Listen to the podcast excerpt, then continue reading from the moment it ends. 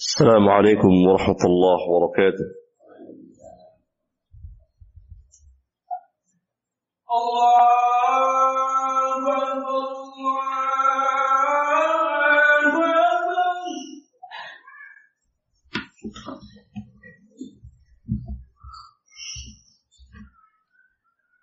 إن الحمد لله نحمده ونستعينه ونستغفره ونعوذ بالله من شرور أنفسنا ومن سيئات أعمالنا. من يهده الله فلا مضل له ومن يضلل فلا هادي له. وأشهد أن لا إله إلا الله وحده لا شريك له. وأشهد أن محمدا عبده ورسوله. أما بعد. Sidang Jumat yang saya muliakan. Islam adalah agama yang mengatur hidup dan kehidupan manusia. Dunia dan akhirat mereka.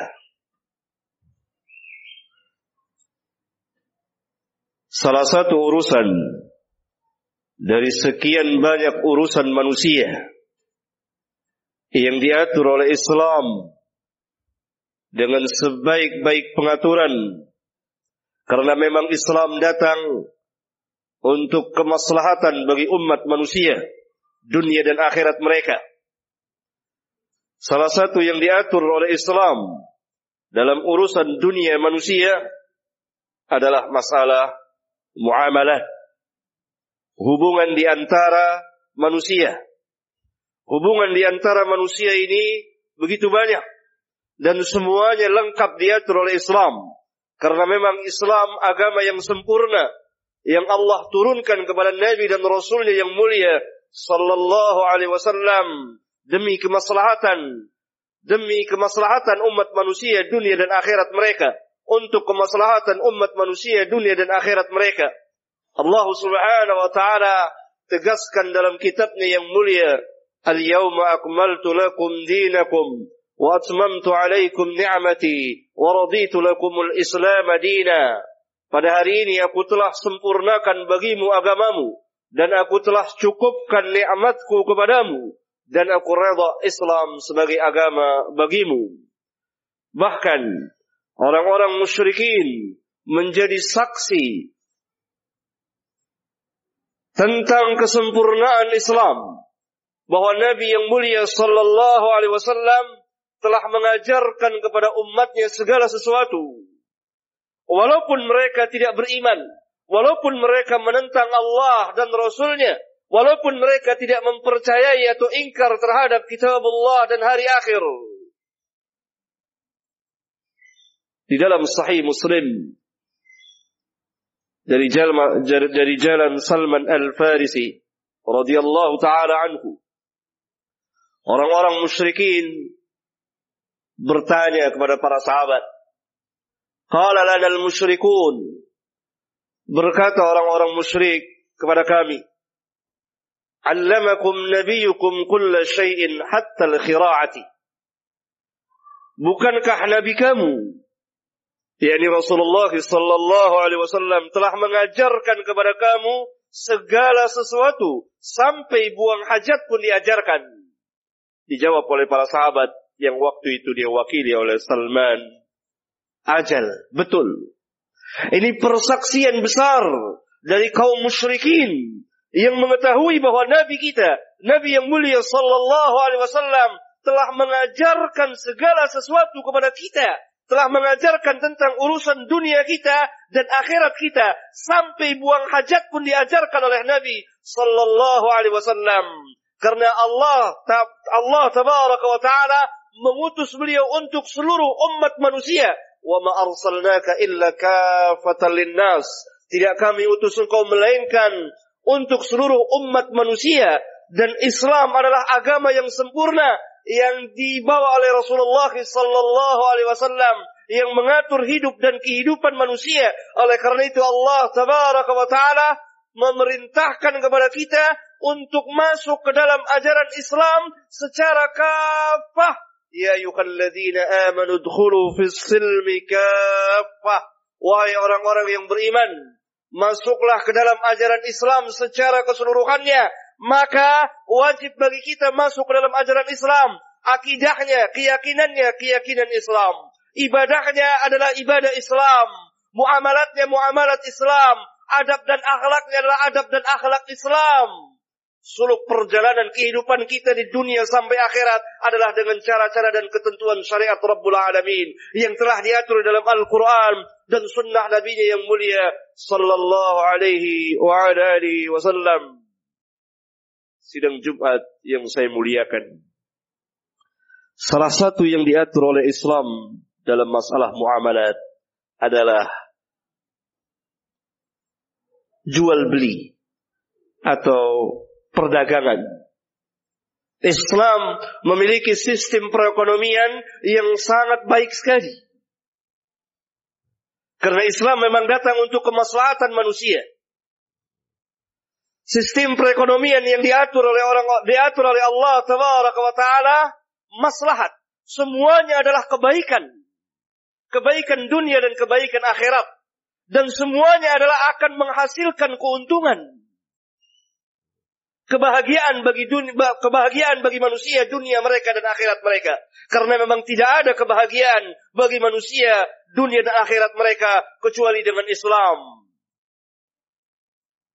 Dan tidak ada kebahagiaan bagi kaum muslimin kecuali mereka mengikuti peraturan syariat Rabbul Alamin yang telah diatur dalam Al-Quran dan sunnah Nabi yang mulia sallallahu alaihi wasallam.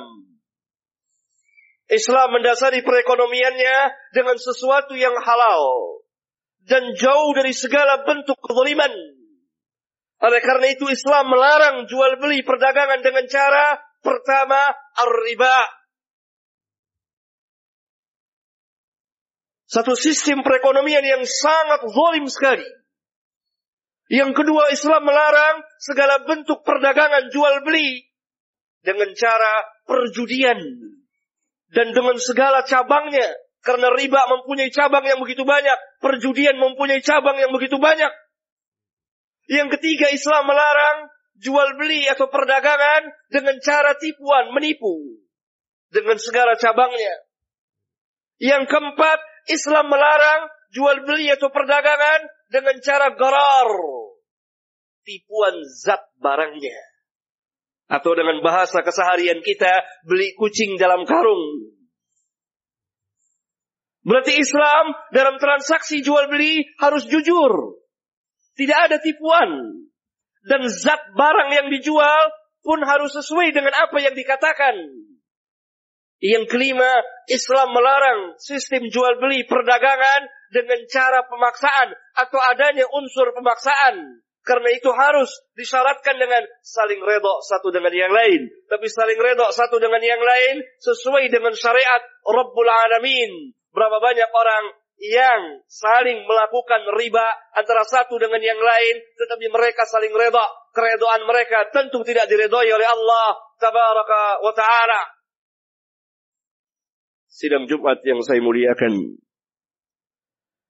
Salah satu sistem perekonomian yang dilarang oleh Islam dan sangat keras dilarangnya adalah apa arti riba?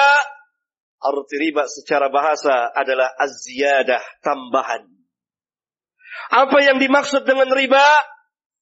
Yang dengannya turun ayat-ayat Al-Quran yang melarang melarang perbuatan riba, mengancam orang yang melakukan riba, siksa yang sangat besar dunia dan akhirat yang akan diterima oleh orang-orang yang memakan riba, yang memperlakukan riba, yang mempraktekkan riba, yang menyebarkan riba.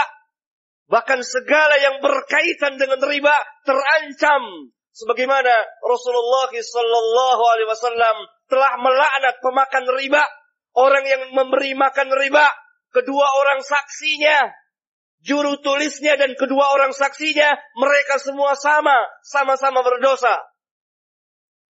Al-Imam Muslim meriwayatkan sebuah hadis dari jalan Jabir bin Abdullah Beliau mengatakan la'ana Rasulullah sallallahu alaihi wasallam akil riba wa mukilahu wa katibahu wa syahidaihi wa qala hum sawa'un.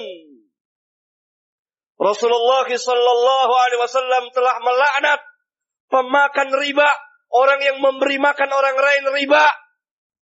Juru tulisnya, dua saksinya, mereka semua itu sama, sama-sama berdosa. Dan Rabbuna di dalam Al-Quranul Karim berfirman, "Alladzina ya'kuluna riba la yaqumuna illa kama yaqumu alladhi yatakhabbathu asy-syaitanu minal mas." ذلك بأنهم قالوا إنما البيع مثل الربا وحل الله البيع وحرم الربا Orang-orang yang memakan riba mereka tidak bangkit nanti pada hari kiamat kecuali seperti berdirinya orang yang kemasukan syaitan. Yang demikian disebabkan mereka berkata, sesungguhnya jual beli itu seperti riba. Padahal Allah telah menghalalkan jual beli dan mengharamkan riba. Dalam ayat yang lain Allah Subhanahu wa taala berfirman kepada kita orang-orang mukmin, "Ya ayyuhalladzina amanu taqullaha wa dharu ma baqiya min riba in kuntum tu'minun." In kuntum mu'minin. Wahai orang-orang yang wahai orang-orang yang beriman, bertakwalah kepada Allah dan tinggalkan segala sisa-sisa riba in kuntum mu'minin jika memang kamu orang-orang mukmin. Apa yang dimaksud dengan riba? Riba apa yang dipraktekkan oleh orang-orang jahiliyah pada zaman turunnya wahyu ketika Nabi yang mulia sallallahu alaihi wasallam berdakwah. Praktek riba macam apa yang dilakukan oleh mereka?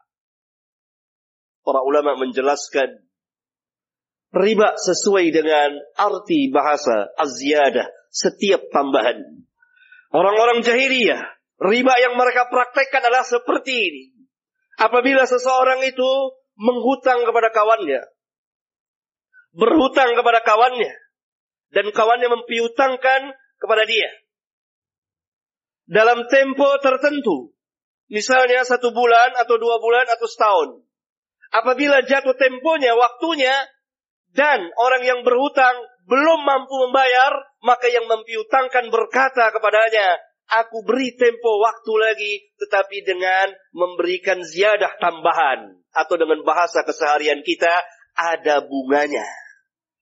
Berarti riba yang dimaksud dalam Al-Quran, yaitu riba an-nasi'ah, riba dalam hutang piutang pinjam meminjam, setiap pinjaman yang ada kelebihannya dengan syarat ada kelebihannya berapapun besarnya maka itu riba yang diharamkan dalam Al-Qur'an dan sunnah Nabi sallallahu alaihi wasallam yang diharamkan oleh Islam.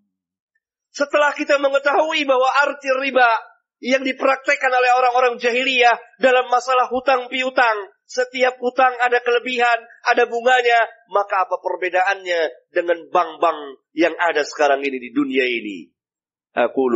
Hadha wa li lakum.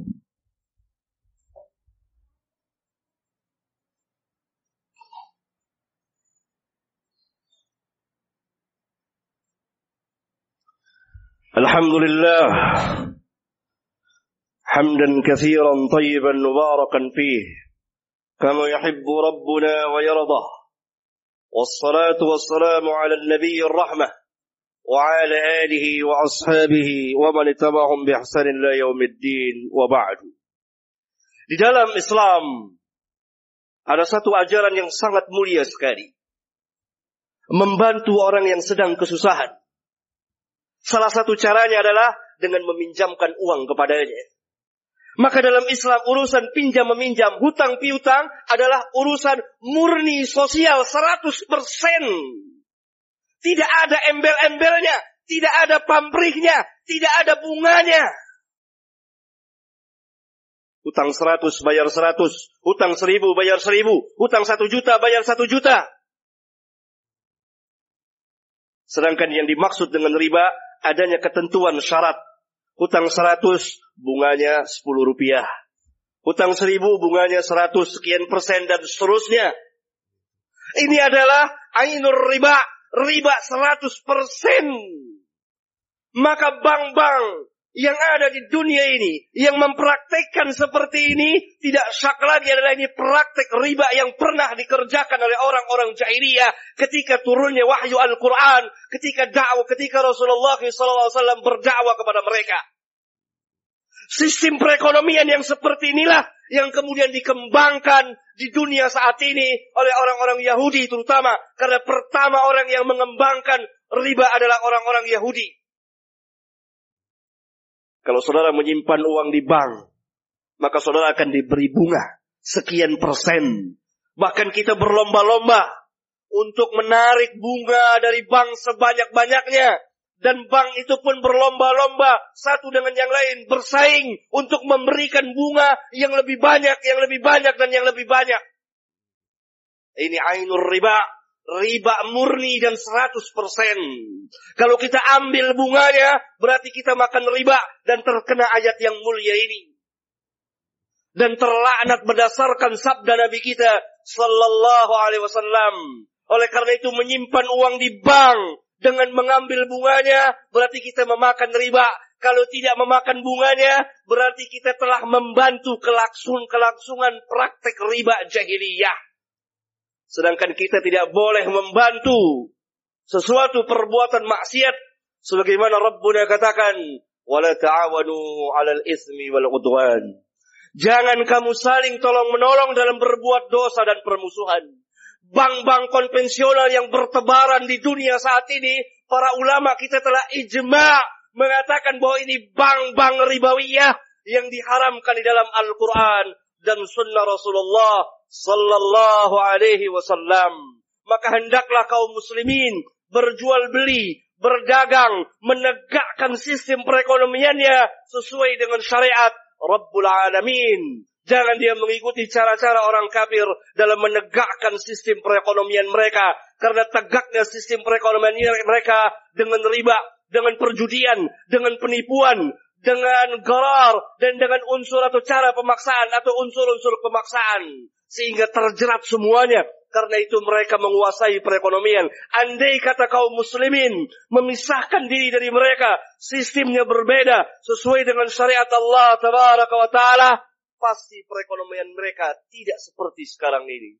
Mudah-mudahan khutbah yang singkat ini bermanfaat bagi khotib dan jemaah. Walhamdulillah Rabbil Alamin.